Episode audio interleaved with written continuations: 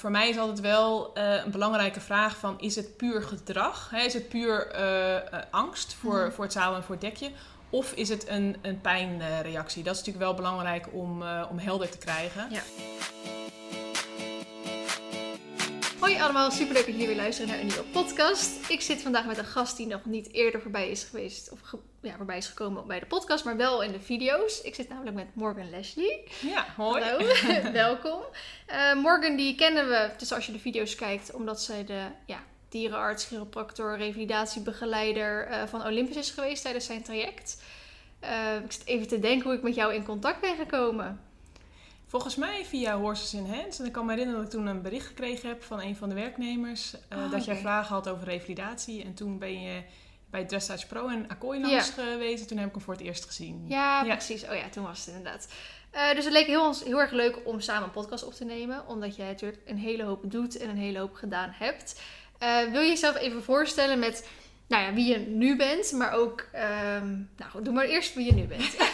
wie je, ik ooit was. Ja, wie je ooit was, dat komen we straks op. Uh, en wat je allemaal doet nu. Ja, ja ik, ben Morgan en ik ben uh, inmiddels alweer 38. en uh, ik ben in basis dierenarts, of paardenarts, afgestudeerd in Utrecht. Um, en ik heb me eigenlijk met, met name gefocust op de revalidatie. Dat vind ik eigenlijk het leukste stukje van de, van de diergeneeskunde. Dus wat ik nu met name doe is uh, revalidatiebegeleiding van, uh, van paarden. Uh, daarnaast ben ik ook chiropractor en heb ik de opleiding osteopathie gedaan. dus ik doe ook wel eens gewoon normaal chiropractische begeleiding van mm -hmm. paarden. Um, ik vind zelf het, het, hele plaatje met de revalidatie erbij altijd wel het leukst. Dus dat, dat vind ik altijd de leukste casuïstieken. Um, en daarnaast ben ik ook veterinair hoofdredacteur bij paardenarts.nl. Dus ik doe ook wel online uh, dingen schrijven, teksten schrijven. Um, ik uh, werk samen met uh, Connie Loonstra van Dressage Pro. Um, dat doe ik ook veel online. Met de online training ja. hebben we gemaakt. Je merkt het echt in de... Als jij voor de camera bij mij komt, dan, dan praat je gewoon alsof het heel normaal is. Maar je doet dat natuurlijk daar ook best wel veel. Ja, ja, ja, ik moet wel zeggen, dat is altijd wel eventjes wennen. Ik heb wel ook tijdens mijn studie ooit een keer uh, voor de camera gestaan. Maar daar kunnen we straks nog eens wel eventjes over hebben. Dus ik heb wel een heel klein beetje ervaring. Maar het blijft altijd, altijd wel gek hoor. Maar... Bij Connie kun je gelukkig heel veel takes eh, doen. Dus als het dan vastloopt, dan zetten we hem gewoon uit, spoelen we terug en dan gaan we weer verder. Maar uh, ja, en verder uh, geef ik ook veel opleidingen. Ik ben met name ook betrokken bij de aquatrainer opleiding. En veel lezingen, workshops vind ik echt heel leuk om te doen. Mm -hmm.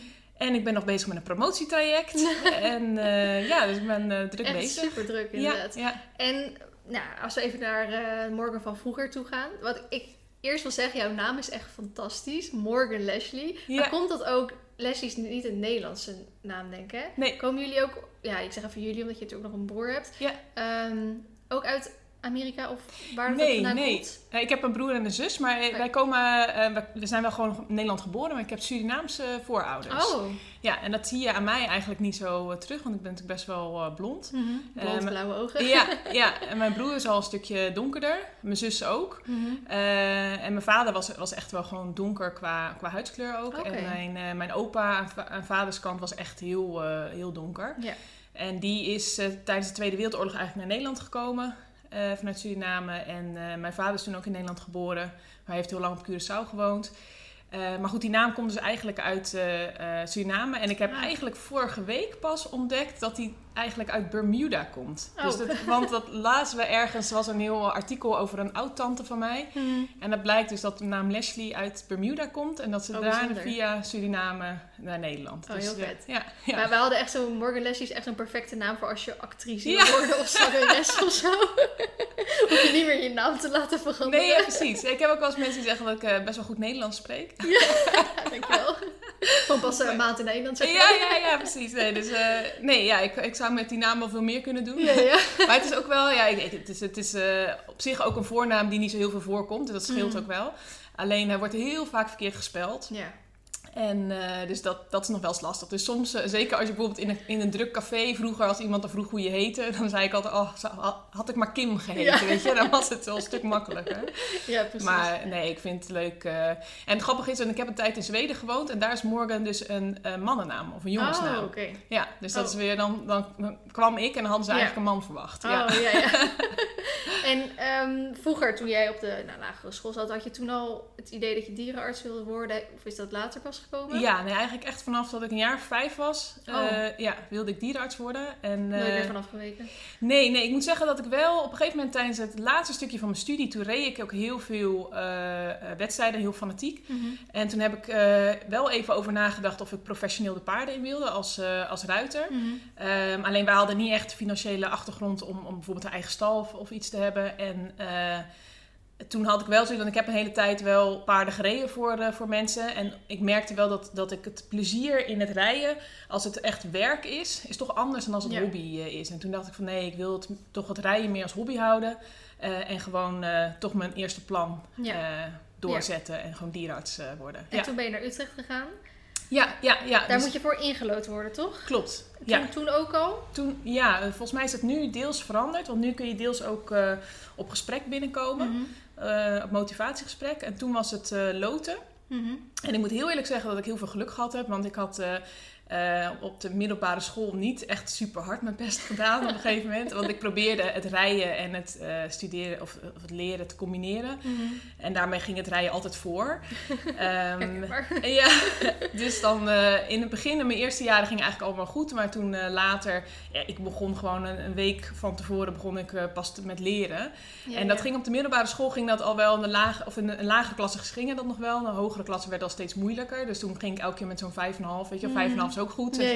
ja. Zes, ja. Ja, maar toen ehm, eh, bij de universiteit was het wel eventjes eh, was wel even slikken. Dus ik ging wel in de laagste lotingsklasse ging ik zeg maar naar, Oh ja. eh, naar Utrecht. Dus ik heb Ja. eigenlijk heel veel geluk gehad dat ik ingelood Ja. ben.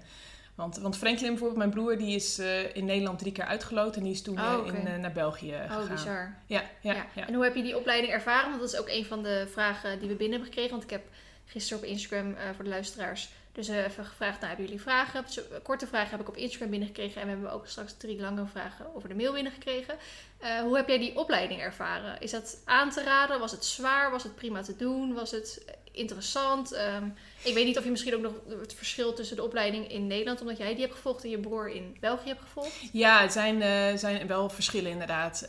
Ik, ik heb de opleiding als een hele leuke tijd ervaren. Het is, het is wel een zware opleiding. Er komt veel leren bij kijken. Als je het vergelijkt met de opleiding in België.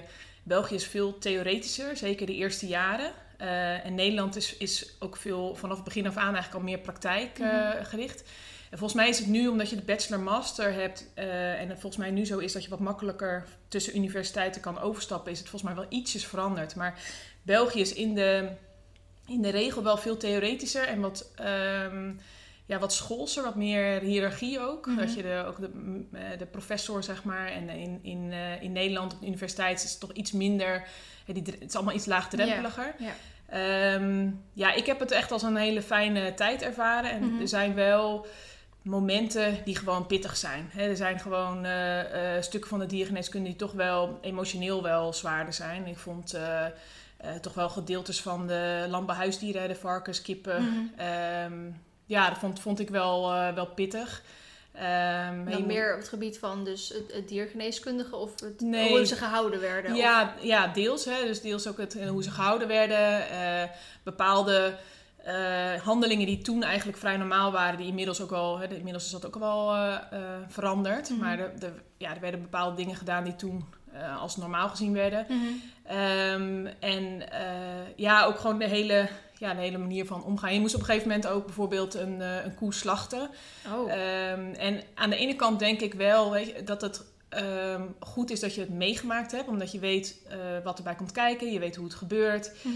En ik weet ook, zeg maar, dat als ik, ik ben geen vegetariër, maar als ik een stuk vlees eet, dan weet ik ook precies hoe die op mijn bord gekomen is. Ja. En ehm, dat, daar maak ik ook wel bewuste keuzes in om soms dus ook geen vlees te eten en soms, en soms wel. Maar ik, ehm, ik weet wel dat elk stuk vlees wat je op je bord hebt, is een dier geweest. En Ja. ik merk dat sommige consumenten ehm, zien vlees niet als een, als een dier. Nee. En eh, ik denk dat dat wel goed is om je te realiseren. eh, ook als je de keuze maakt om wel vlees te eten. Ehm, dat je weet hoe het proces, eh, hoe het proces gaat. Dus Ja. dat, was wel, dat is wel pittig. Want sommige dingen zijn wel pittig. We moesten op een gegeven moment eigenlijk ook bij, bij paard... moesten die eigenlijk ook eh, slachten. Dat heb ik eigenlijk toen eh, geweigerd. Ja, dat, Maar dat kon je weigeren. ja, dat mocht toen ook. Oké. ja, ja. Maar ik moet heel eerlijk zeggen, ik ben zelf heel erg bang voor knallen. En wat je, wat je in principe doet, eh, als je, in wat ze in het slachthuis doen... en het is overigens voor die dieren, het is, het is zo snel voorbij... dus die, die hebben niks door. Ehm, maar wat ze doen is dat ze ze eerst schieten met een schietpen... Mhm. En daarna laten verbloeden. En dat schieten, dat gaat zit zeg maar een soort van kogeltje in die schietpen. Mhm. En dat maakt natuurlijk best wel een harde knal. En ik ben echt nogal bang van knallen. Ehm, en ik weet nog heel goed toen we die koe gingen toen had die, eh, die, die man die, eh, die dat eigenlijk heel vaak deed, die hield ook gewoon die slagpen vast. Dus als ik zou schrikken, dat ik hem ook niet kon verplaatsen. Oh ja. En dat is bij de paarden is dat toch anders. Dan zei ik van ja, weet je, ik wil gewoon niet dat als ik schrik en ik beweeg mijn hand, dat het Ja. dan verkeerd gaat. Dat zou ik echt niet, eh, niet Schiet je willen. er langs, dan schiet Ja, been nee, verschrikkelijk. Nee, joh. Dus dat eh, heb, ik toen, Nee, eh, ja. heb ik toen niet gedaan. Ja. Maar, maar die paarden, ja, die merken er zelf natuurlijk niet zo heel veel van. Het gaat Nee. zo verschrikkelijk snel. Ja. Maar ik ben zelf gewoon te bang van, Ja. van knallen. Ik had ook echt zoiets, ja, ik, ik heb gelukkig tot nu toe nog nooit een paard hoeven laten inslapen. Maar ik denk ook altijd, nou, mocht ik dat ooit doen, dan laat ik denk ik hem liever schieten dan dat ik hem in laat slapen. Want dat is, inderdaad, dan gaan ze toch vaker nog tegen vechten als je zeg maar een Ja, spuitje doet. Of- Ja, ja, nee, ik moet zeggen, kijk, het schieten gaat wel sneller. Hè, dus Mhm. dat, dat is, eh, het is heel snel, want het paard loopt naar binnen en het is eigenlijk al een soort van gebeurd. Ja. Ehm, ik moet wel zeggen dat het in laat slapen als eigenaar... eh, ja, vrediger is. Ja, weet je, je, kan, je hebt wel een moment om even afscheid te nemen. Ja. En kijk, op het moment dat ze gaan liggen, dat gaat soms een, beetje dat is een beetje wisselend. Ehm, dat verschilt een beetje per paard. Maar als je het een beetje onder fijne omstandigheden kan doen, eh, waar een paard zich ook wel gewoon rustig voelt, dus het liefst thuis. En eh, Mhm. dan, dan gaat het op zich eh, wel prima. Alleen dat, dat gaan liggen, dat, de ene gaat heel mooi, eh, zakt heel netjes door zijn benen. En de ander gaat dat ietsjes rommeliger. Dus ik, ik adviseer altijd wel een eigenaar om ehm, bij dat gaan liggen, dat ze heel even eh, weglopen. Oh, ja. En als ze eenmaal rustig liggen, dat ze dan terugkomen. En op het moment dat je dan zeg maar de, eh ja, de overdosis slaapmiddel eh, geeft, dat ze dan gewoon bij hun paard kunnen zitten. En dat is wel een moment dat je niet kan eh, geven als je ze laat schieten. Nee, precies. Ja, Heb dus- je al heel veel paarden in je, ja, in je carrière eigenlijk als dierenarts moeten laten inslapen? Ja, nu de laatste jaren wel minder, omdat, je natuurlijk meer, omdat ik meer op revalidatie Mhm. zit. Maar zeker toen ik ja, meer gewoon het algemene dierenartsenwerk deed, ja, daar heb je toch wel ja, best wel veel paarden die je moet laten inslapen. En Ja. is dat dan nog elke keer een soort van weer opnieuw heel moeilijk? Of is het op een gegeven moment van, nou, je hebt er nu al 200 laten inslapen? Nou, het wordt nooit routine. Nee. Nee, nee. Ik moet eerlijk zeggen dat ik het ook altijd. hè, je probeert het altijd zo, zo ja, prettig mogelijk voor het paard eh, te doen. Mhm. En het is altijd wel. ehm, eh, ja, ik vind het altijd wel echt wel een ding. En eh, je weet waarom je het doet, hè? want het, Ja. het is, je doet het niet zomaar. Nee. Het is toch wel echt wel om een pa- paard uit zijn, uit zijn pijn, Mhm. het, eh, uit zijn lijden te verlossen. Dus eigenlijk aan de ene kant is het dankbaar dat je het kan doen. Ehm, maar het, ik heb het nooit als makkelijk ervaren. Nee, precies. Nee, Nee, bizar. Om even terug te komen op de Instagram-vragen. Ehm, iemand vraagt hoe het is om ehm, als broer en zus dus hetzelfde beroep te hebben. En vind je jezelf beter in dingen? ja, nou laat het er maar niet horen. Ja, nee, het is wel heel grappig. Ik zeg altijd van, eh, want ik, ik wilde al dierenarts worden toen ik vijf was. En mijn broer, Mhm. die is eh, vijf jaar ouder en die wilde het naar mijn idee iets later. Was hij het Ja, precies. maar volgens hem was het volgens mij andersom. Dus volgens mij was ik eerder dat ik, eh, dat ik dierenarts wilde worden. Maar goed, het maakt uiteindelijk ook niet uit. Mhm. Ehm, hij heeft een ander traject gedaan omdat hij dus naar België is geweest. En eh, hij is toen na het afstuderen in Nederland komen werken. En ik ben na mijn afstuderen in Zweden gaan werken. Mhm. En op een gegeven moment zijn we bij dezelfde kliniek eh, een tijdje... hebben we tegelijkertijd gewerkt eh, bij de Rapors, wat nu Mhm. eh, van, van hem is. Ja. Ehm, en ik moet heel eerlijk zeggen dat ik heb wel bewust de keuze gemaakt om niet samen eh, eigenaar te zijn van hetzelfde bedrijf. Omdat, omdat ik toch altijd, weet je, de broer-zus verhouding die blijft altijd wel een beetje gevoelsmatig voor mij in ieder Ja. geval. Ehm, en dat wilde ik liever niet. En ik merk nu dat ehm, nu hebben we ons allebei echt op onze eigen ja, groepen zeg maar een beetje gespecialiseerd. Dus eh, Franklin zit meer in de eh, beeldvorming, dus die doet heel veel echo's en Mhm. heel veel kreuphuidsonderzoeken. En ik doe eigenlijk het stuk daarna, dus de revalidatie en inderdaad de Ja. behandeling van uh, wervelkolom. En daarbij vullen we elkaar eigenlijk aan. En dat, dat moet ik heel eerlijk zeggen, dat, dat werkt wel heel fijn. Ja. Want dan heb je ook niet dat grote, grote broer, kleine zusje gevoel. En ik denk dat we allebei in datgene wat we doen uh, uh, goed zijn. Dus ik zou nooit datgene wat hij doet Ja. uh, zo kunnen. Mhm. En andersom denk ik ook dat hij dat stuk revalidatie ook graag aan Ja. mij overlaat. Ja, jullie hebben gewoon eigenlijk je eigen specialiteit ja, ja, ja, ja, Ja. En dat is wel, wel fijn. Maar ja, je kan je wel voorstellen dat onze gesprekken onderling altijd, bijna altijd wel over werk gaan.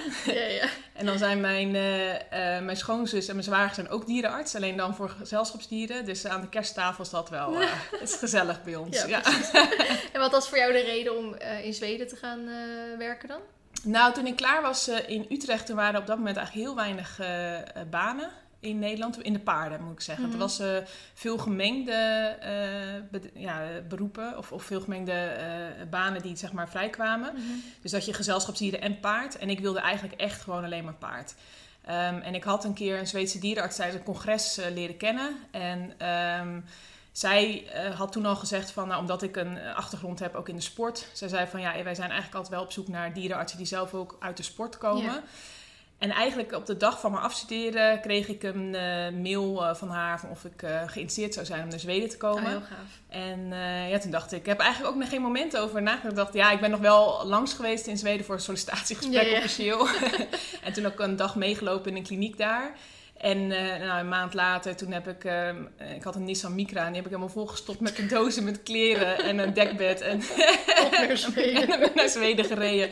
En ook nooit een moment uh, dat ik het eng vond, of ik kende helemaal niemand daar. Nee. Maar ja, nee, dat was eigenlijk wel mooi. Kan je ook Zweeds praten nu? Of, ja, inmiddels. ja, ja, ja.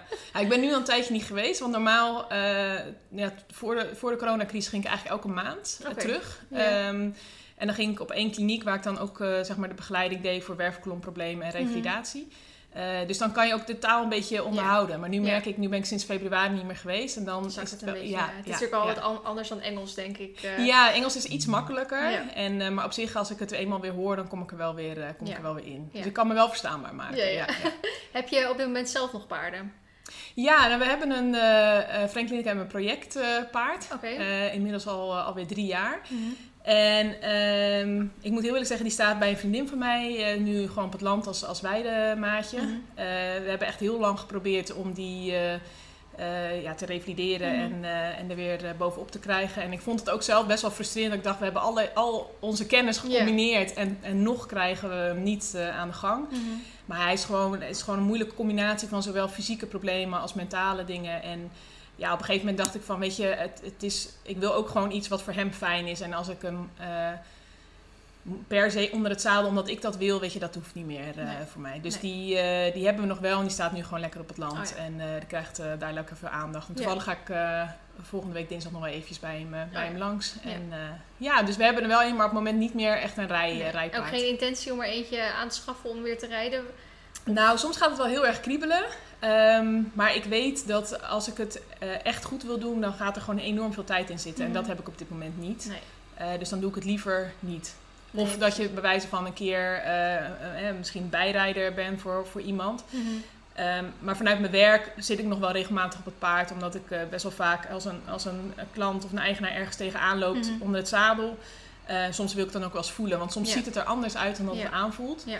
Um, en ik vind het wel fijn, want voor mij maakt dat puzzeltje soms wat meer compleet. Ja. Omdat je dan merkt van hé, hey, uh, vanaf de grond lijkt het alsof die daar en daar uh, stug is of vast zit. En Mhm. onder het zadel merk je dan ineens andere dingen. Ja. ja. En ik heb hier dan een vraag. Uh, als je eigen paard ziek is, als je die hebt, is het dan raar om hem te helpen en doe je dat dan zelf? Nou, bij jullie projectpaardje heb je dat denk ik wel zelf gedaan. Maar in het verleden heb je dan altijd, als je paard iets had, ga je dan eigen conclusies trekken? Of ga je dan toch wel een soort andere dierenarts erbij halen? Of?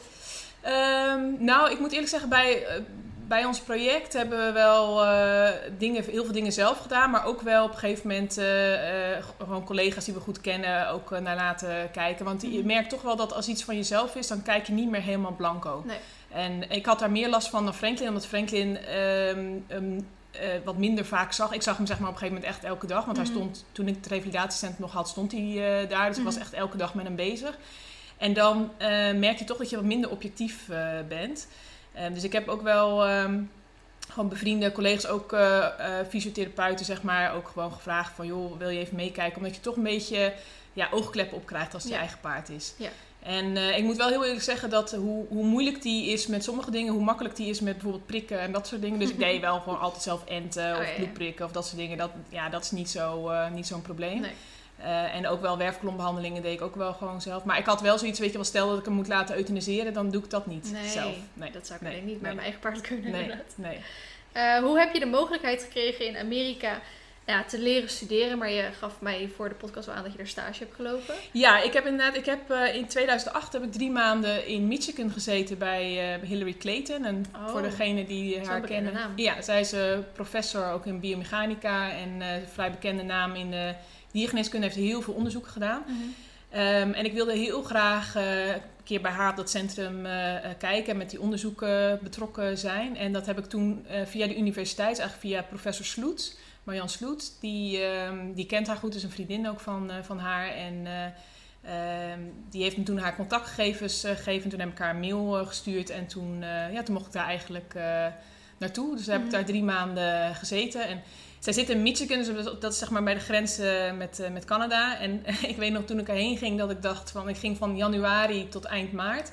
Um, en ik dacht, oh dat is fijn, want dan skip ik hier de Nederlandse winter. En toen had ik even gemist hoe koud het daar winter. was. dus het was ongeveer min 15 de hele, hele periode. dus dat was, uh, nee, maar dat was echt wel een hele leuke, hele leuke tijd.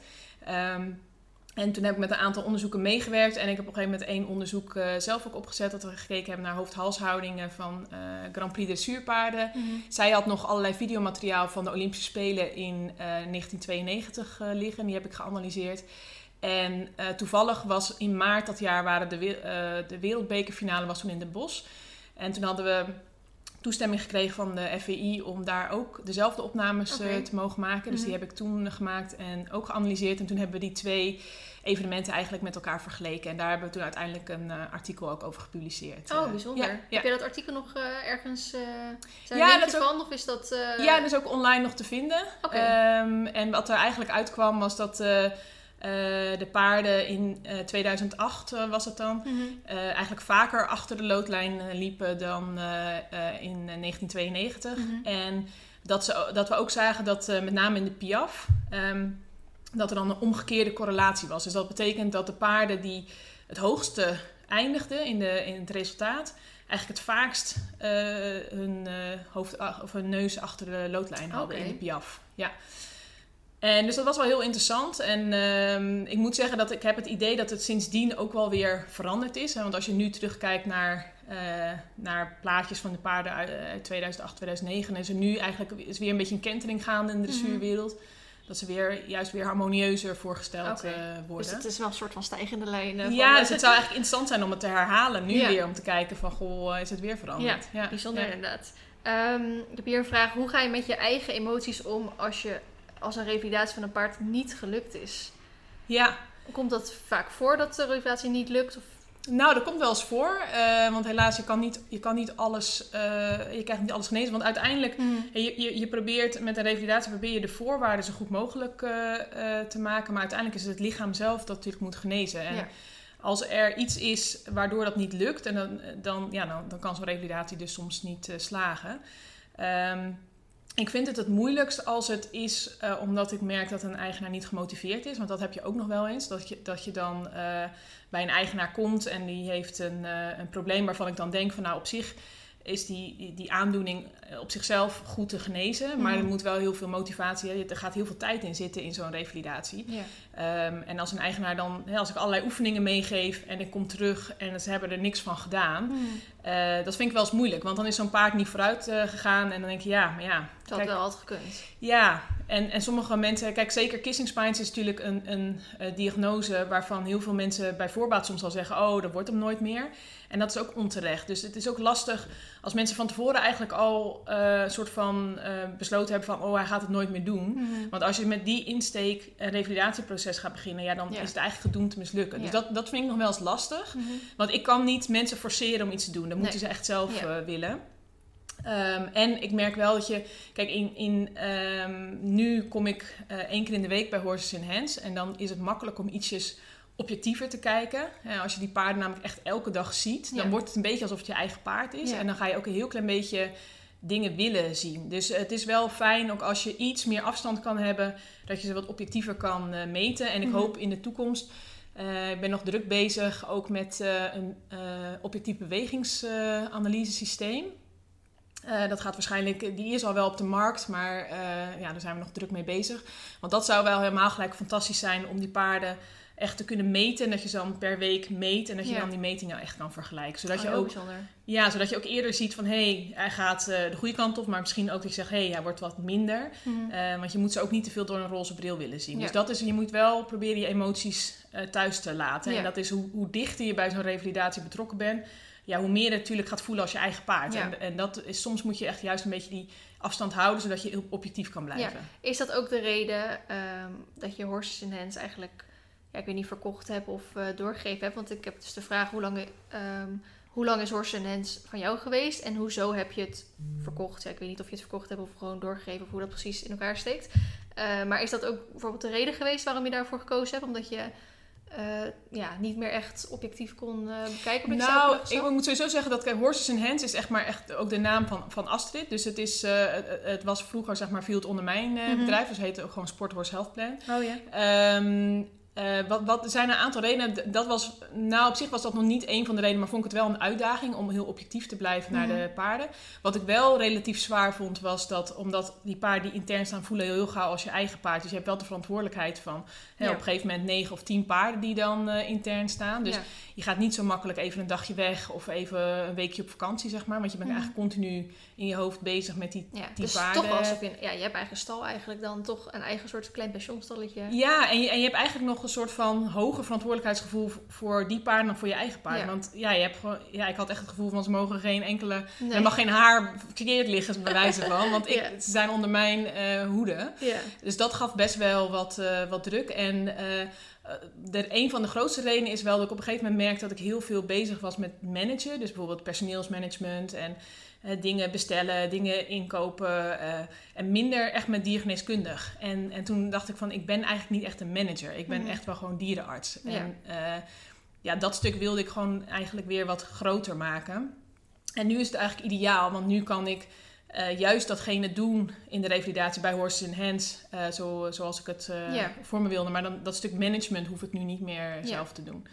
Dus dat is eigenlijk een van de grootste redenen. En Astrid die heeft toen, toen ik eigenlijk besloten had om het neer te leggen. Astrid was al bezig om, ehm, die wilde heel graag zelf een eigen revalidatie beginnen. Mhm. En die had een locatie op het oog, maar dat ging toen niet door. En toen had ik haar aan de telefoon en toen vertelde ik dat ik mijn werkzaamheden ging veranderen. En eh, toen wilde zij heel graag eh, een doorstart maken. Dus het was eigenlijk Oh, voor ja. allebei een fantastische kans. Ja. Dat, eh, dat eigenlijk zo, want het is toch een beetje je kindje, zo'n bedrijf. Dat, dat ik gewoon mijn kindje in goede handen kon geven. En, en voor haar was het natuurlijk een, een super kans om, om gelijk de revalidatie in te rollen. Ja. ja, echt een super oplossing inderdaad. Zo. Wat is de ergste situatie waar je een paard moest laten revalideren? Of wat was het ergste casus? Of Ehm, weet niet of je er zo eentje kan eh, bedenken. Wat je denkt, nou, dat, die was er zo slecht aan toe en die hebben helemaal opgekalefaterd. Of, eh, Ja, nou kijk, wat het eigenlijk het moeilijkste vaak is, is als je eh, veel verschillende problemen hebt. mhm. Dus ehm, complexiteit dan van. Ja, kijk, je kan best wel hebben dat bijvoorbeeld een, een hele ernstige peesblessure of zo, hè, dat kan natuurlijk vervelend zijn, maar het, het wordt eigenlijk met name lastiger als je en een peesblessure hebt en een rugblessure en hij heeft ook een, een halsprobleem, weet je, dus als je meerdere dingen hebt. En Ja. dat is wel eens eh, lastig. Maar ik moet wel zeggen, ik heb wel echt paarden gehad die ehm, echt super pijnlijk eh, eh, waren en deels ook paarden die intern gestaan hebben, maar ook deels paarden die gewoon bij de eigenaar waren. mhm. Met, als het echt een gemotiveerde eigenaar is, die dan wel echt fantastisch vooruit kunnen gaan. En dat vind ik nog steeds heel bijzonder om te zien.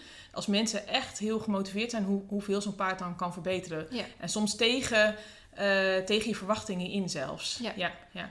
En ik moet zeggen, een, een van de meest moeilijke gevallen vond ik wel... eh, er was een paard, eh, een, een wat oudere Fries, en die had ook een paar echt hele moeilijke rugproblemen. Ehm, van, van stukken wervels die aan elkaar vergroeid waren en zo. En die eigenaren waren super gemotiveerd en dat paard ging echt heel erg, eh, heel erg goed. Die was eigenlijk weer terug op de oude. En zij hadden als droom om, nou ja, eigenlijk wat jij volgende week gaat doen, een vakantie met Oh, ja, ja. paarden. Die hadden ze ook helemaal gepland. En toen de nacht voordat ze daarheen gingen, want het was eigenlijk goed genoeg om uh, ook mee op vakantie te gaan. Mhm. En de nacht voordat ze heen gingen, kreeg die koliek en toen is die aan de koliek overleden. Ja, oh, dat ja. is dus echt ook een beetje soort van mijn angst. Dan denk ik, ja, dan hebben we zo Olympus gerevalideerd. Heb je zoveel geld en moeite ingestopt. En dan is er dus iets als koliek of ja. Misschien een gekke sprong in de wei dat hij zijn been breekt of Ja. zo. Weet je wel, dat, je, dat het dan zoiets is dat er totaal los van staat. Ja, ja, dat, Dat kun je dan- natuurlijk nooit helemaal voorkomen. En dat, Nee, maar dat vond ik ja. echt vreselijk. Ook, ook voor die mensen, Ja. voor verschrikkelijk. Dus dat vond ik wel heel eh, verdrietig. En eh, met name omdat je ze, je gunt ze zoveel mooie Ja. tijd nog met Ja. zo'n eh, met zo'n En dan paard. kan het eindelijk en dan... Ja, ja, Ja. dan weet je ook niet van ja, waarom moeten ze die pech nou overkomen. Want dat is dan echt puur pech. Want het Ja. was een slag in de darm en dat was ook echt niet. Nee. nee, nee. ah. Ja, wat dacht je als eerste toen je Olympische probleem hoorde of zag? Ehm, nou, bij Olympus was het bijvoorbeeld ook dat je dus een, een combinatie eh, had eh, van, eh, van dingen. Dus een, een, eigenlijk op dat moment een knieprobleem en een rugprobleem. En dan moet je ook even gaan kijken van wat is, hè, als je hem voor de eerste keer ziet, hoe reageert hij op bepaalde testjes? Waar is hij wel gevoelig, waar is hij niet gevoelig? Zodat je een beetje prioriteiten kan stellen. Ehm, en ik denk in het begin, omdat hij, dat hij toen nog een onregelmatigheid had, dat was natuurlijk wel. Hè, dat is dan in eerste instantie het, het spannendst om te kijken van, nou, die, hij moet wel natuurlijk weer rad eh, eerst worden, Mhm. voordat je die rug verder kan gaan, eh, gaan opbouwen. Mhm. Ehm, en het is natuurlijk, omdat hij nog niet zadelmak was, is dan, ehm, als het een ouder paard was geweest waar die al, die al onder het zadel was en die ook al zonder problemen onder het zadel gelopen heeft, dan heeft dan, dan heb ik niet zo'n probleem met die kissing Eh, maar omdat hij nog niet het zadel opgehaald had, dan weet je ook niet, of hij had één keer een zadel opgehaald, Ja. maar dan weet je ook nog niet zo heel goed van hoe gaat hij het straks doen onder het zadel. Ja.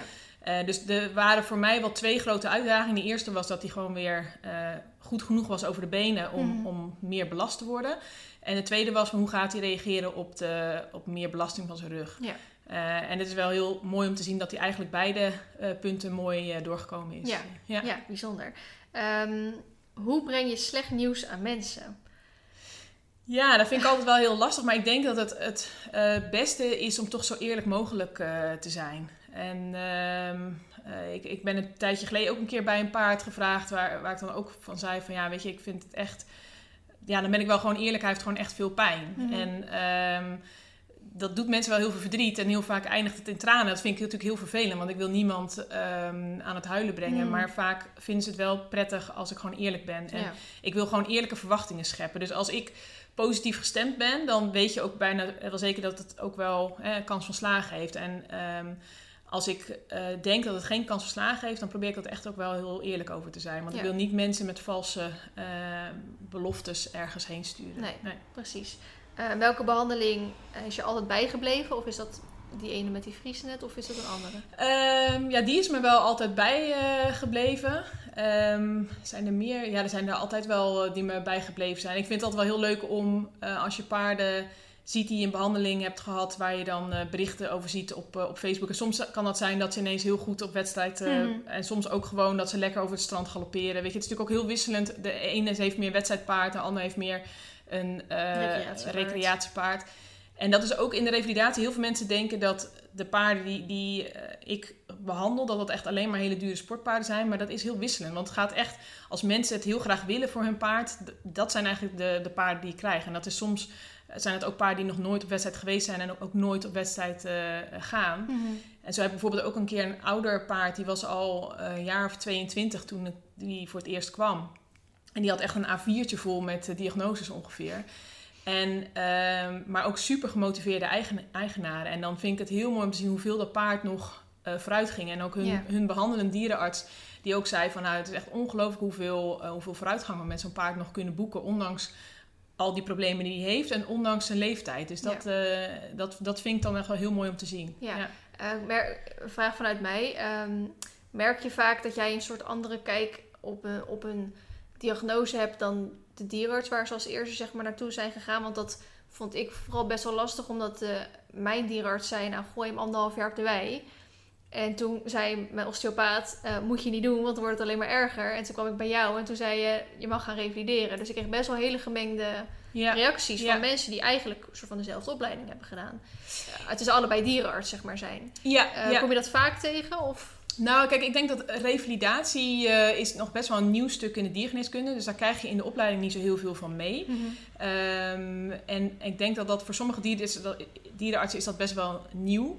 Um, en ja, is het ook zeg maar kijk, voor peesbestuurders is het soms wel wat, wat meer standaard wat je qua revalidatie hebt. Dan moeten ze Mhm. stappen aan de hand of in ieder geval gecontroleerd eh, eh, stappen. Maar eh, bij andere problemen wordt het al wat, wat, ja, wat, wat, wat losser. En Mhm. ehm, er zijn wel steeds meer. eh, ik heb al een aantal opleidingen gevolgd en een aantal eh congressen gevolgd. Er is steeds meer bekend over revalidatie. Maar hè, als je natuurlijk veel meer werkt in ehm, eh, bijvoorbeeld zoals Frank in de orthopedie, dan focus je je daarop. En daarom denk ik ook, weet je, dat het juist fijn kan zijn als je samenwerkt met dierenartsen. Dat ze zeggen van joh, ik heb dit paard met deze diagnose, maar ik weet eigenlijk niet zo heel goed hoe we hem het beste weer aan de gang kunnen krijgen. Mhm. En dat ik dan zelf, eh, dat, dat ik erbij betrokken word. Want het is ook eh, per paard verschillend. Je kan wel zeggen van oké, deze diagnose moet ongeveer zo en zo gerevalideerd worden. Mhm.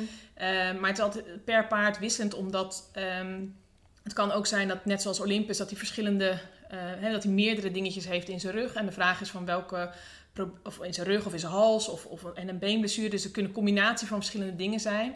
En de vraag is van eh, hè, hoe pijnlijk is die op het een, hoe pijnlijk is die op het ander. En, en dan kun je een beetje inschatten van waar gaan we mee beginnen. Wat heeft de hoogste prioriteit in Mhm. de revalidatie en hoe gaan we het dan verder oppakken. Ja. Dus ik denk op zich, kijk, je moet mij ook niet vragen als je nu je, je Medi eh, eh, wil laten insemineren. En dan, dan wil ik best wel met je meedenken over wat voor hengst die wil gebruiken of zo. Maar ik, je moet mij ook niet echt gynaecologische begeleiding gaan vragen, want daar ben ik weer niet in gespecialiseerd. Ehm, en ik denk dat eh, ja, revalidatie is wat dat gaat nog, nog vrij nieuw. En ehm, eh, ja, ik denk dat we gewoon, als we de krachten bundelen, dat je dan alleen nog maar sterker eh, naar voren komt. Ja. En ehm, wat is onmogelijk om te genezen? Zijn er bepaalde dingen dat je, dat, dat, als je dat als diagnose krijgt, dat je gewoon gelijk zoiets hebt van nou, heeft geen zin Ehm, om te revalideren? Nou, het is eigenlijk niks is onmogelijk, denk ik. Eh, kijk, als, wat, wat bijvoorbeeld wel eh, moeilijk is, is als je bijvoorbeeld een echt ingewikkelde fractuur hebt. Hè, want je hebt nog wel eens een, in, de, in het kootbeen, dus in de, in, het on- in de ondervoet eh, of in het onderbeen van het paard, dat kan nog wel eens in meerdere stukken breken. In Nederland is het dan eigenlijk vaak zo dat als die diagnose gesteld wordt, dan worden die paarden vaak ingeslapen. Mhm. Eh, in Amerika leggen ze de grenzen wat verder. Ehm, ik ben daar zelf niet helemaal fan van, want ik, ik vind zelf dat een, eh, een, een paard een paardwaardig bestaan moet hebben. En dat, Mhm. voor mij is dat dat ze gewoon normaal kunnen stappen, draven en galopperen, in ieder geval op het land. Ze Mhm. hoeven misschien nooit meer gereden te worden, maar dat ze in ieder geval normaal kunnen bewegen. Ja. En in Amerika zijn ze, hè, die vinden ze zeg maar als het een, een grasmaaier, maar dat betekent dus dat hij alleen normaal kan stappen, of nog niet eens echt normaal kan stappen. Dat vinden zij eigenlijk al een acceptabele uitkomst. Mhm. Ehm, dus dat is een beetje, kijk, ik- ja, als dat de uitkomst is, dan vind ik het niet ehm, eh, dat ik denk van ja, dat moet je niet willen revalideren, Nee. zeg maar. Dan, dan moet je hem eigenlijk, eh, als hij eigenlijk zijn hele leven pijn gaat hebben als hij een drafje in wil zetten, ja. dan moet je hem denk ik laten gaan. Ja. Maar dat is mijn mening. Ja. Eh, en, en wat, dus, wat ik denk als het hopeloos wordt, is als er meerdere ernstige blessures in een paardenlichaam zitten. eh, met, eh, ja, met ofwel een paard wat, wat ouder is, of wat al qua bouw en, en of bijvoorbeeld een afwijkende stand, of qua bouw al niet helemaal ideaal is, waardoor het dan moeilijker wordt. Eh, of als er dus een, een eigenaar die eigenlijk niet wil, ja, dan, dan wordt het wel een beetje hopeloos. Ja. Ja. Ehm, je ver- dus we hebben het natuurlijk al gehad over eh, dat je de opleiding in Utrecht hebt gevolgd en je bent naar Amerika geweest. En, Ja. ehm, welke opleidingen heb je zeg maar, allemaal gedaan tot nu toe om te komen waar je nu bent op gebied van eh chiropractie, osteopathie, eh, revalidatie? Ja. Eh, dus als mensen graag bijvoorbeeld ook deze richting op willen, waar moeten ze aan denken? Waar moeten ze daarbij informeren? Ja, ja, ik denk dat mijn basis ligt ook wel gewoon als, als ruiter. Ik heb natuurlijk heel veel gereden. En dus dat, daar is al een heel stuk van ook gewoon gevoel. Ook van, van ja, wat, wat moet een paard kunnen, zeg maar, Mhm. in, hun, in zijn lijf atletisch gezien. Ehm, in diergeneeskunde is natuurlijk gewoon dat je, dat je heel veel kennis krijgt over, eh, over ziektebeelden, over de anatomie, over hoe een paard in elkaar zit, over genezing, dat soort eh, Mhm. dingen. Ehm, ik had eigenlijk al tijdens mijn studie dat ik heel graag dat stuk revalidatie en ik wilde meer kunnen dan, dan alleen eh, de, de, sta- de standaard eigenlijk. En dan moet ik zeggen dat de standaard nu ook al op een heel ander niveau is dan twintig jaar geleden, zeg maar, toen ik de studie begon. Ehm, dus ik heb zeg maar tijdens mijn studie heb ik uh, op een gegeven moment sportmassage gedaan. Uh, dat was toen zat ik volgens mij in mijn tweede of mijn derde jaar. Mhm. Ehm, toen heb ik osteopathie gedaan tijdens mijn studie. Uh, en toen na het afstuderen heb ik chiropractie gedaan. En ik... Want kan dat gewoon? Want ik hoor altijd dat je als je fysiotherapeut voor paarden moet zijn, moet je eerst fysiotherapeut voor mensen gedaan hebben. Ja, dat klopt. Dus als je bijvoorbeeld fysiotherapeut, of fysiotherapie wil doen voor dieren, dan moet je eerst humaan fysiotherapeut Mhm. zijn. Ehm, en, dus ik ben, ik ben zelf ook geen fysiotherapeut, Mhm. want dat is dan weer een ander, ander traject. Dat had ik wel heel graag gedaan, alleen dat betekende nog eens zes jaar studie, want er is geen verkort traject als dierenarts. En dat vind ik wel jammer, want in andere landen is dat wel zo. Dan heb je een verkort traject. Want we hebben natuurlijk al heel veel basis qua anatomie. En, en, en dus die basis die zit er al. Dus Maar ik denk dan altijd, waarom moet je dan eerst alles van het mensenlichaam leren kennen? ja, nou ja, toch- precies, precies. Dus dat is een beetje, dat, dat vind ik wel jammer, want in eh, andere landen was dat wel, maar, maar goed, dat was toen op dat moment weer niet, niet eh, te regelen voor, voor mezelf. Dus Mhm. uiteindelijk heb ik dan gekozen om chiropractie en eh, osteopathie te doen.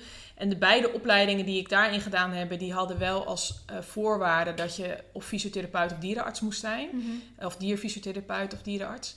Ehm, en dat is wel een beetje dat sommige opleidingen hebben dat niet. Dus er zijn ook osteopathieopleidingen die geen eisen stellen. Mhm. En waar dus eigenlijk iedereen aan mee kan doen. En dat wil niet zeggen dat die mensen geen goede osteopathische technieken leren. En, hè, maar wel dat ze niet zo heel veel basis hebben over... Ze hebben niet zes jaar diergeneeskunde of zes jaar fysiotherapie en dierfysiotherapie eh, in, de, in hun rugzak zitten. Ja, ik vind dat ook altijd wel belangrijk hoor. Als een chiropractor inderdaad, eh, eh, of een osteopaat bij mijn paarden komt, dan vind ik het altijd wel een, eh, belangrijk dat ze eigenlijk iets van een dierenartsachtergrond hebben. In plaats Ja. van zo'n, eh, ik zeg altijd een diploma bij een pakje boter hebben gekregen. Maar, Ja, en kijk, en het zal heus geen, geen simpele opleiding eh, zijn. Ik, ik bedoel, eh, ik, ik heb die opleiding die zij volgen dan niet gedaan, maar ik kan me voorstellen dat het best ook een pittige opleiding is. Alleen die, basiskennis, kijk, wat, ik ben in de basis gewoon altijd dierenarts. Dus als ik bij een paard kom, ook al is het voor een chiropractiebehandeling, en ik laat hem draven en hij is kreupel. ehm, dan, dan, kun je nog, dan kun je in ieder geval een inschatting maken van nou, waar verwacht ik dat het, hè, verwacht ik dat het meer van bovenuit komt, of verwacht ik dat het echt meer vanuit het been komt. En dan kun je ook een advies geven. Want soms zeg ik ook tegen een eigenaar: ja, ik zou eerst die kreupelheid op laten werken. Ja. eh, en dan kunnen we met dat stukje chiropractie verder. Want anders dan maak ik hem bij wijze van los. Mhm. En door, doordat hij pijn heeft in zijn been, gaat hij compenseren. En zit hij drie dagen later weer vast. Ja. En dan is het eigenlijk een beetje weggegooid geld. Kijk, in de revalidatie kun je dan wel weer die chiropractie eh, oppakken. Maar dus in, in de basis blijf ik altijd dierenarts. En als ik ehm, iets zie wat ik gewoon als dierenarts niet vertrouw, dan heb ik liever dat ik dat eerst uit laat zoeken. Dan dat, we, dat ik zes, zeven keer kom behandelen als Ja. chiropractor. En dat je elke keer na zes weken weer terug bent waar je was. Of dat die eh, niet vooruit gaat. Of, en dat, dat vind ik nog wel eens, dat hoor ik nog wel eens te vaak. Eh, Een, een tijdje geleden ook een keer een paard die dan scheef was. En eh, eh, waar dan, eh, ik weet niet meer precies of het een osteopaat of masseur bij was. Maar die kwam elke drie weken. En dan was die eventjes beter en daarna was die weer slechter. Ja, dat paard had een dikke vette peesblessure. En ehm, eh, die liep hartstikke kreupen. Maar die eigenaresse die had hem eigenlijk nooit aan de longe verder. En als die therapeut kwam, dan zagen ze hem ook nooit eh, in beweging. Eigenlijk alleen gewoon in stand. Mhm. En elke keer hadden zij natuurlijk wel die compensaties. Omdat het paard zich vast gaat zetten omdat hij pijn in zijn been heeft.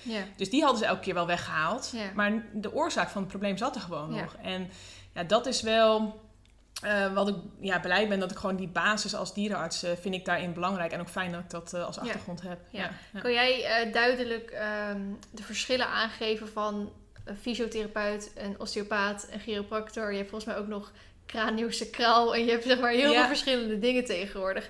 Wat zijn nou, wie focust zich waarop en wie haal je bij welk probleem eigenlijk erbij?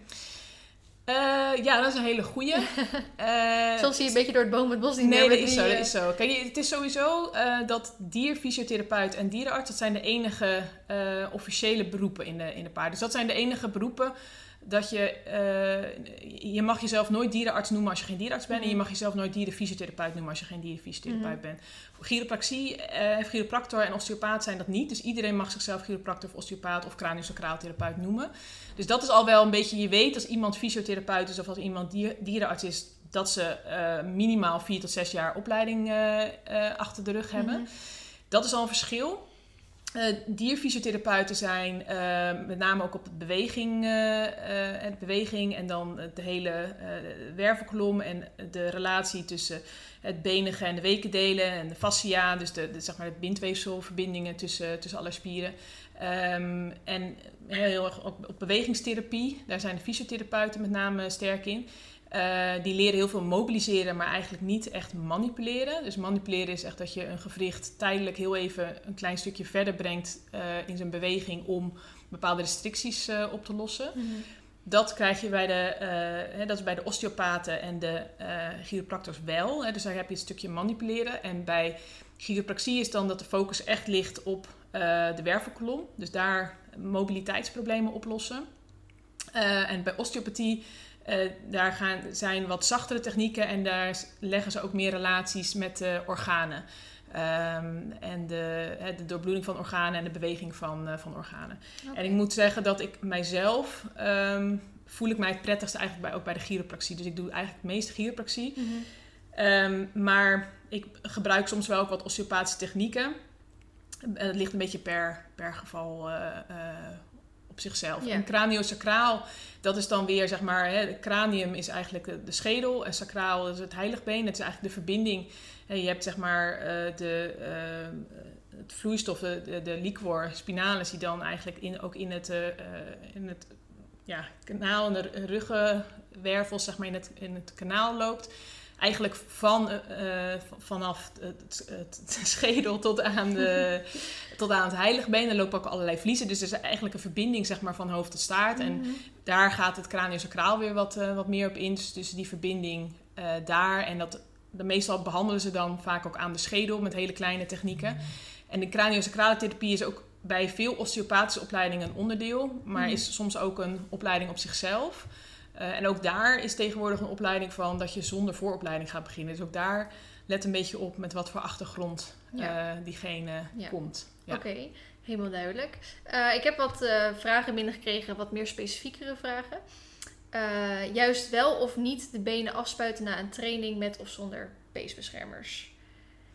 Nou, kijk, het idee van, van afspuiten is dat je het been koelt. Ehm, en het idee van koelen is dat het ontstekingsremmend werkt. Ehm, en je moet het eigenlijk zo zien dat als je een zware training hebt gehad, dat er eigenlijk altijd hele kleine, eh, eh, klein beetje weefselschade is. Ehm, en die weefselschade die geeft eigenlijk een no- normale ontstekingsreactie als, eh, als gevolg. Eh, en dan zou je met koelen zou je de ontstekingsreactie wat kunnen remmen. Dat is eigenlijk een beetje het idee. Ehm, het is wel zo dat je dat afspoelen, hè, wat, wat ik heel vaak zie gebeuren, wat ik vroeger, voordat ik diergeneeskunde had gestudeerd, zelf ook deed, is dat je dan alleen heel even de slang er tegenaan houdt. Ja, ja. Maar je moet wel minimaal 20 minuten koelen om echt eh Effect, effectief... eh, ja, oh. ja. En dat, daar, dat doet niemand. nou ja, dus dat kan je eventueel ook met, eh, hè, met die eh eh, coolpacks. Dat is Mhm. natuurlijk wel, eh, wel fijn. Maar met de slang is dat natuurlijk, ja, dat is best wel een lange zit. Ja. Eh, Dus- veel waterverspilling. Ja, ja, ja, dus dat is. eh, ja, verder heb je natuurlijk ook wel een beetje het masserende effect van het water. En je moet natuurlijk wel weer een beetje opletten dat sommige paarden, als ze elke dag hun benen afgespoten worden, ze makkelijker gevoelig zijn voor mok en andere huidproblemen. Dus als je, hè, als je bijvoorbeeld een paard hebt dat een peesblessure gehad heeft, of wat gevoelig is om wat irritatie te hebben van bijvoorbeeld een bepaald gewricht, dan kan het wel eh, een voordeel zijn om na een, een pittige training om dan te koelen. Mhm. Eh, en dan, nou ja, dan is het praktischer om dan een cool pack te gebruiken eh, dan de slang. Omdat je dan dus minder problemen krijgt met de huid als je dat heel vaak eh, moet Mhm. doen. En omdat het ja, gewoon Eigenlijk. voor jezelf makkelijker Ja, is. ja. Alleen moet je wel heel goed opletten met Coolpack dat, het, dat die goed aansluit. Want bij de Coolpacks heb je soms nog wel eens dat het de pasvorm niet helemaal goed is. En dan heb je, wat ik wel eens eh, dan had, is de, eh, ook bij de, toen ik het revalidatiecentrum nog had, dat je een Coolpack afhaalt en dan was het, dan was het bot van het pijpbeen was heel koud. Eh, maar eigenlijk de delen waar het om ging waren dan eigenlijk alweer, waren eigenlijk helemaal niet echt eh, gekoeld. Dus Mhm. je moet wel heel goed opletten op, eh, op de pasvorm. En ook niet te lang om laten zitten, want dan gaat hij weer opwarmen. Oké, en het gebruik van peeskappen of peesbeschermers dan, in verband met temperaturen? Ja, dus de, de peeskappen, kijk, dat is en de reden waarom je peesbeschermers gebruikt, is als je bijvoorbeeld een paard hebt wat zichzelf makkelijk strijkt, wat zichzelf makkelijk aantikt. Ehm, daar, daar zijn ze eigenlijk met name voor, eh, voor bedoeld. En als je een paard hebt wat dat, eh, wat dat heeft, dan zou ik ah, ja, adviseren om ze om te doen. Eh, of als je een paard hebt wat je zegt, is af en toe een beetje onhandig, doe ze dan eh, om. Eh, als je dat niet hebt, dan is het qua temperatuur eh, is het beter om niks om de benen te hebben. Eh, maar ja, het is dus eigenlijk gewoon meer voor als ze zichzelf aanraken dat je een, een, een, eh, een beetje een bescherming hebt Ja. rond het been. En bandages, ja, dat was ik vroeger toen ik echt alleen nog maar in de dressuur reed, was ik, was ik ook zo iemand die dan van die lappen had tot op de kroonrand. en dan zo'n dikke bandage eromheen, want alle topruiters deden dat en nog steeds doen alle topruiters dat. Ehm, maar er zijn inmiddels echt wel een hele hoop onderzoeken geweest van bandages. En qua uh, want het idee was dat je dan uh, wat stabiliteit geeft in die gewrichten. En daar hebben ze heel veel onderzoek naar gedaan. Je geeft echt geen enkele, geen enkele stabiliteit uh, ermee. Um, en wat je eigenlijk wel doet, is dat je het been heel erg opwarmt. Dus je ja. maakt eigenlijk de weefsels te warm. En dan geef je eigenlijk een groter risico om daar schade van te krijgen... dan dat je helpt in het stabiliseren. Ja. Ja. Ik ben ook echt een beetje allergisch voor de mensen die... Ehm, zowel peeskappen of inderdaad bandages alleen voor het mooie zeg maar omdoen. Omdat je er eigenlijk dus meer kwaad mee doet dan dat je er goed mee doet. En ja, doe je ja. Zo, ja, tenzij ze dus echt nodig zijn. Want eh, die arena, dat paard van mijn stal die ik bij rijd, die deed ik uh, in het begin ook zonder peeskap. Want ik heb altijd zoiets, een paard moet gewoon zonder peeskap kunnen lopen. Maar die had om de havenklap had hij dan een wondje. Omdat hij zichzelf, omdat ze ook voor ijzers had, ze aantikte. Dus dat schiet dan niet op. Dus nou, peeskappen weer om en niks aan de hand. Maar Marley en Olympus doe ik allebei zonder peeskap. Ik doe zelfs Marley springen zonder peeskap. Als, het, als ik laag blijf, als ik wat hoger ga, doe ik ze wel altijd om. En met ja. cross is natuurlijk zeker uh, rondom ook beschermen. Maar ik, oh, als, ik, als mensen zeg maar inderdaad zoiets om hebben omdat het alleen mooi staat of ja, zo, ja, denk ik, oh, waar ben je mee ja, maar ik, ik, wat dat gaat ben ik ook echt schuldig hoor. Want uh, ik bedoel, ik heb nu heel veel geleerd door de jaren heen. En ook met alle studies en opleidingen die ik gedaan heb. Maar vroeger was ik ook hoor, bijpassend chabrakje met de kleurenbandages. Ja, ja. En uh, dat vond ik helemaal fantastisch. ik snap het ook heel goed, want het staat ook super leuk oprecht. je rijbroek er nog bij afpassen. En, uh, ja.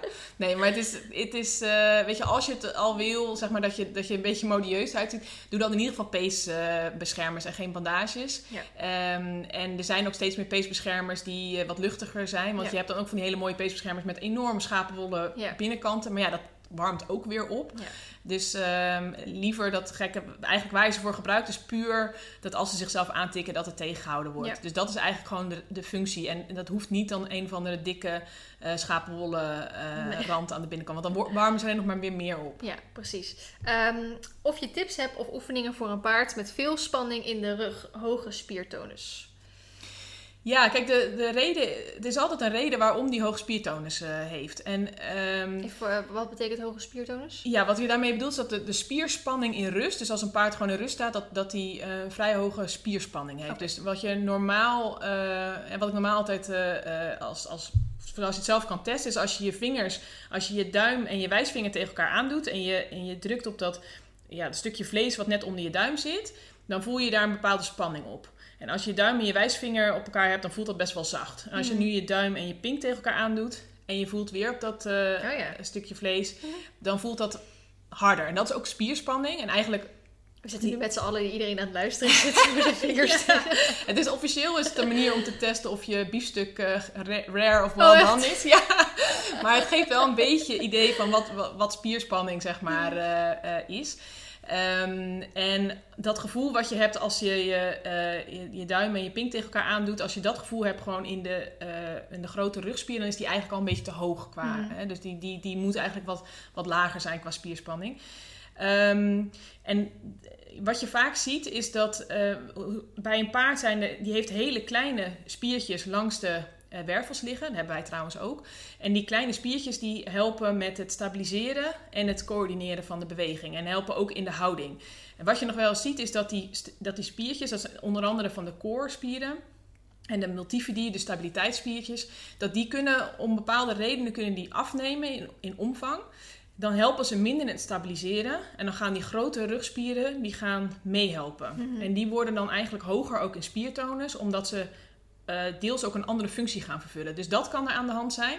Soms kan het gewoon zijn dat hij ergens pijnlijk is, waardoor hij dat gedeelte probeert te beschermen, waardoor de spiertonus uh, hoger heeft. Dat kan, de kan er aan de hand zijn.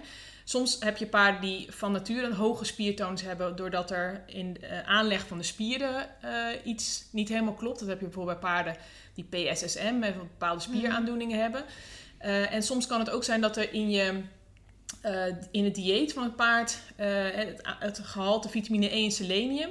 Uh, dat zijn belangrijke stoffen die helpen bij het weghalen. Dat zijn antioxidanten onder andere bij het weghalen van bepaalde schadelijke stofjes die vrijkomen bij training. Um, en die kunnen nog wel eens wat laag zijn in het rantsoen. En dan hebben ze ook wel makkelijker dat ze hoge spierspanning hebben en wat makkelijker verzuren. Nou is het zo dat selenium, eh, dat is, als je dat weer overdoseert, dan is dat weer giftig. Dus daar moet je niet zomaar zelf de- denken van, oh jee, mijn paard heeft hoge spierspanning, nu ga ik Mhm. gauw eh, heel veel selenium bij geven, want dan ga je naar het volgende probleem. Vitamine E is wel veilig. Ehm, dus bij paarden hè, waarvan je denkt van nou deze hebben gewoon in algemene vrij hoge spierspanning zonder dat er echt specifiek een, een pijn eh, eh, onder zit of, een, of, of, hè, of dat er die stabiliteit eh, niet in orde is. dan laat ik ze nog wel eens vitamine E wat hoger doseren. Mhm. En daar zijn paardenproducten voor, maar je kan ook van die mensen capsules gewoon puur vitamine E daarvoor gebruiken eventueel. Ja. Dus er zijn niet echt tips of oefeningen. nou, dus de vraag is eerst van wat is de oorzaak? Mhm.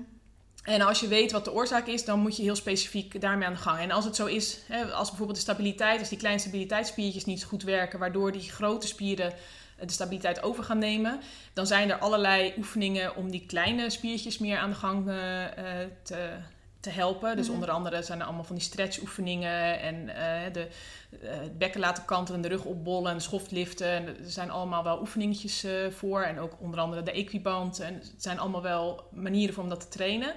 Ehm, maar goed, als, als die spieren hoog, hoge spanning hebben omdat er een pijnlijk gebied proberen te begrenzen, dan zou je dat eventueel weer erger kunnen maken met Ja. bepaalde oefeningen. Dus het is wel belangrijk om eerst te weten van waarom is dat. En dan kun je een, een, een passend eh, Ja. schema maken met eh, hoe, hoe kun je het verbeteren. Ja. Ja. Duidelijk. Ehm, wat kan het allemaal betekenen als mijn pony vaak gaapt? Ja, kijk, eh, eh, gapen, dat wordt wel eens gezien als... ehm, ja, als ze echt in ontspannen omstandigheden eh, zijn, dan, dan kan het een stukje ontspanning zijn. Zeker als bijvoorbeeld met, als je aan het lijf zit en ze gaan gapen, dan wil het ook nog wel een stuk ontspanning zijn. Ja. Als ze het echt te pas en te onpas doen, dan kan het ook een teken zijn van eh, maagproblemen. Uh, knarsetanden en gapen wordt ook wel heel vaak gezien met maagsferen. Ehm, dus zeker als ze rond het eten eh, gapen of als het echt wel dat ze continu aan het gapen zijn, dan zou ik wel eh, dat in mijn achterhoofd houden. En let dan ook op andere signalen. Wat, meest, wat je meestal ook ziet is dat die paarden wat minder makkelijk spieren ontwikkelen, wat moeilijker op gewicht te krijgen zijn, eh, soms wat dof in de vacht zitten, Ja. reageren op het aansingelen, eh, reageren als je je linkerbeen aanlegt met rijden. Ehm, dat zijn allemaal een beetje van die vage signalen die op, eh, op maagzweren kunnen duiden. Of dat, Mhm. hè, wat een duidelijk signaal is ook vaak is dat ze het ruwvoer wel opeten en de krachtvoer niet. Of andersom, dat ze het krachtvoer wel eten en het ruwvoer niet. Ehm, dus als die echt heel veel gaapt, eh, hou dan zeker in de gaten of er ook andere signalen zijn. En dan kan het mogelijk een maagzweer zijn. Oké. Eh, En wat is het beste advies om een paard van het luchtzuigen af te helpen? Ja, kijk, luchtzuigen, dat is ehm, eh, stereotypie. Dus dat is eigenlijk een eh, eh, gedragsafwijking. in zoverre dat eh, hè, er, er is een, bepaald, een bepaalde gedraging die het paard niet uit kan oefenen. Eh, waardoor hij dan eh, zichzelf iets aanleert eh, om, om zichzelf, om dat in ieder geval de, de soort van het effect, hetzelfde effect te krijgen. Meestal zie je dat de, de type stereotypie gecorreleerd is aan het type gedrag wat ze niet kunnen uitvoeren. Dus bijvoorbeeld bij weven is het vaak meer bewegingsstereotypie. Dus dan is het vaak dat er toch ergens in de beweging iets tekort komt. En luchtzuigen is toch vaak ook met ruwvoer dat dan, of, of maagsferen, dat er Mhm. iets in het, in het dieet niet helemaal klopt. Ehm, dus het belangrijkste is om eerst te kijken van hoe is mijn management. En, en stress is natuurlijk iets wat, wat heel makkelijk ook stereotypieën geeft. Ehm, het lastige is alleen dat als een paard het al een lange tijd doet, dan kun je het management, dan denk ik dat het nog steeds heel goed is om het management te optimaliseren. Mhm. Alleen het is dan niet meer zo makkelijk om dat gedrag eh, kwijt te raken. Want Ja. dan hebben ze het op een gegeven moment echt een soort van aangeleerd. Ja. En dan krijg je soms het gedrag niet meer helemaal weg. Ja. Eh, dus als ze het net zijn gaan doen, dan denk ik dat het heel goed is om te kijken van... dan gaat er waarschijnlijk iets in het management niet helemaal goed. En waarschijnlijk is dat ofwel dat ze te weinig sociaal contact hebben met andere paarden... andere paarden te weinig kunnen zien, dat er te veel onrust is op stal... eh, en dat, het, eh, eh, dat ze te weinig ruwvoer krijgen of te lang zonder ruwvoer staan. Dus dat ze wat last krijgen van hun maag. Eh, dus probeer dat eerst te optimaliseren. Maar als ze het dus al heel lang doen, dan, is het, dan krijg je het soms niet meer weg, het eh, gedrag. En Nee. alle dingen die je, hè, bijvoorbeeld een anti-luchtzuigband of dat soort dingen, dat helpt eigenlijk alleen dat ze niet meer kunnen luchtzuigen. Maar dat haalt niet de, eh, de noodzaak bij het paard weg. Want ze willen het nog steeds, alleen kunnen ze het gedrag niet meer uitvoeren. Oké. Ehm, heb je tips voor het rijden van een wat ouder paard? Dus ja, boven de 20. Ehm, nou, oudere paarden hebben in de, in de regel gewoon meer tijd nodig voor eh, herstel. En ook Mhm. meer tijd, tijd nodig voor opwarmen. Dus ik zou eh, bij een ouder paard gewoon langer de tijd nemen eh, voor het instappen en, en het lust, rustig losrijden. En verder ook heel goed opletten in je trainingsschema dat je zo'n paard voldoende tijd geeft voor herstel. Ehm, probeer nog wel voldoende ook te werken aan buikspierenactiviteit. Want bij oudere paarden zie je toch wel dat ze steeds meer een beetje doorgezakte rug eh, gaan krijgen. En Dus dat is wel iets. Hè. Meestal is het zeg maar als ze het al op volwassen leeftijd gewoon goede buikspieractiviteit hebben, dat, ze dan, dat je dan ook ziet dat ze dat als ze ouder worden ook veel makkelijker eh, blijven houden. Het is moeilijker als een paard het al niet goed heeft en dat je dan op oudere leeftijd moet proberen te krijgen. Dat, Ja. is, dat is vrij lastig. Dus probeer het al, al op een jonge leeftijd eigenlijk al te krijgen. Maar bij een ouder paard in ieder geval opletten. eh, genoeg tijd nemen voor het inrijden, voor het eh, uitrijden. Ehm, eh, denk aan je trainingsschema dat er eh, variatie in zit, zodat je ook genoeg tijd hebt voor herstel. Ja. En, ehm, ja. Eh, heb je een paar oefeningen die je zo kan opnoemen waar, ja, dat je de buikspieren echt goed kan trainen?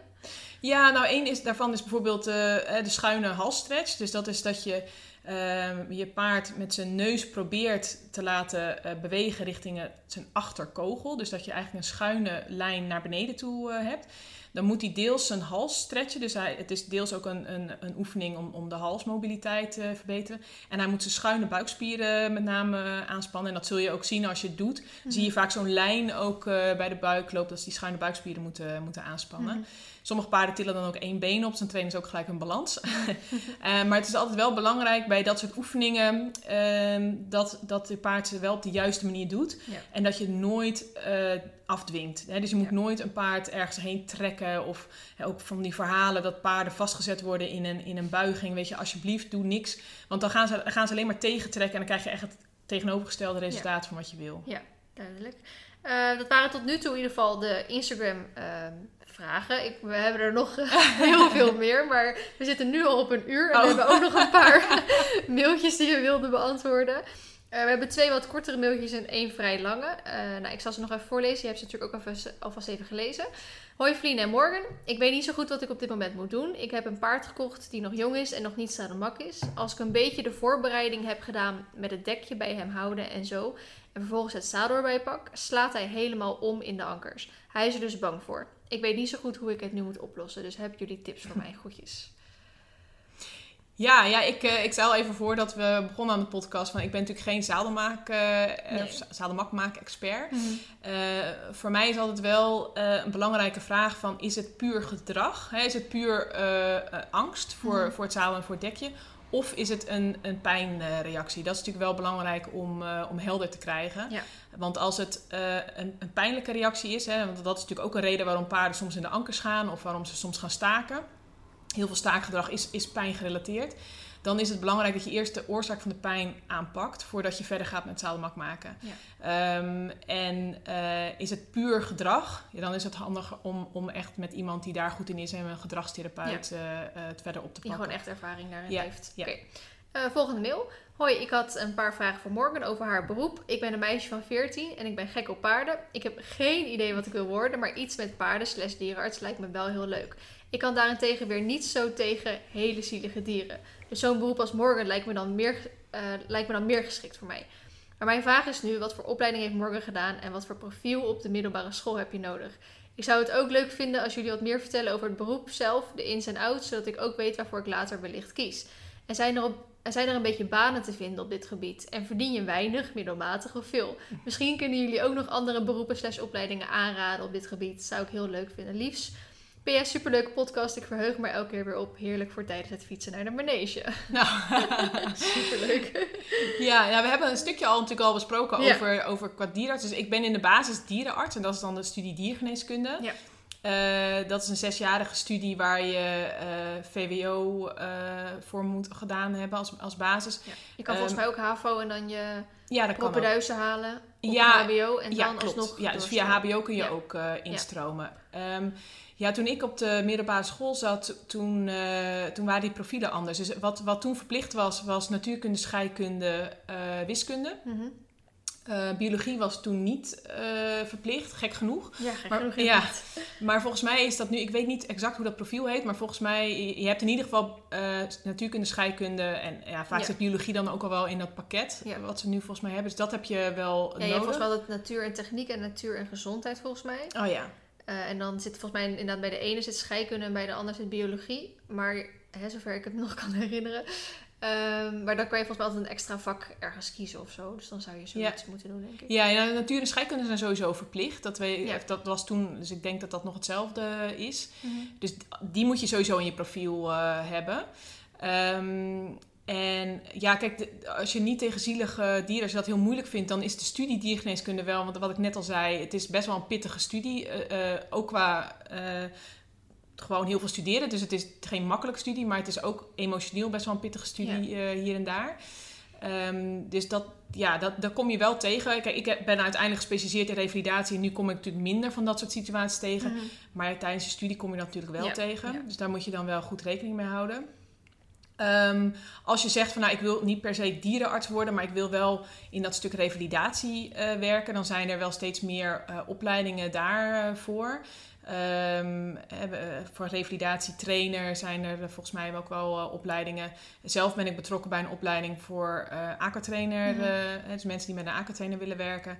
Dus daar zijn ook opleidingen. Dan, dan ben je uiteindelijk geen dierenarts, hè, maar je kan wel dus helpen in het, in het begeleiden van de revalidatie van, Ja. een, van een paard. Ja. En dan kom je niet in aanraking met ja, de, de zielige. Ja, uiteindelijk zou je natuurlijk altijd wel Ja, vervelende dingen zien, maar niet, dat Eh, altijd als je met dieren werkt. Of, eh, ja, hebt maar niet die hele ernstige dingen. Nee. En hoe zit het met de baangarantie?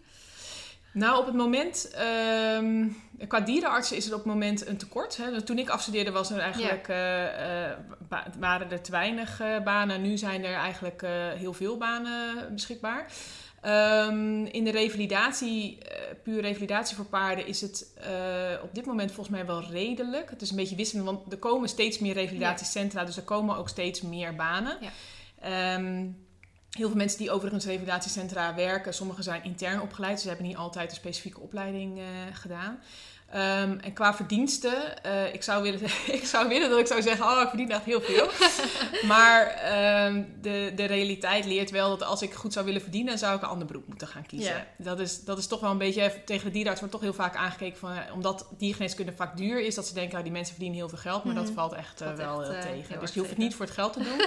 je moet het echt doen omdat, je, omdat het je passie is. ja. En ik denk ook in het revalidatiewerk, als je, als je revalidatiebegeleider bent, eh, volgens mij is dat ook niet fantastisch goed betaald. Dus je hoeft, ja, het- je hoeft het niet voor het geld te doen. Nee, precies. Maar je kan er wel gewoon wel rondkomen.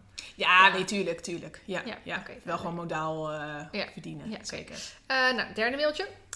Hoi, ik had op jouw verhaal op Insta gezien dat jij morgen een ontmoeting hebt met Morgan Leslie. Ik zou graag een vraag stellen met bijbehorend uitgebreide achtergrond.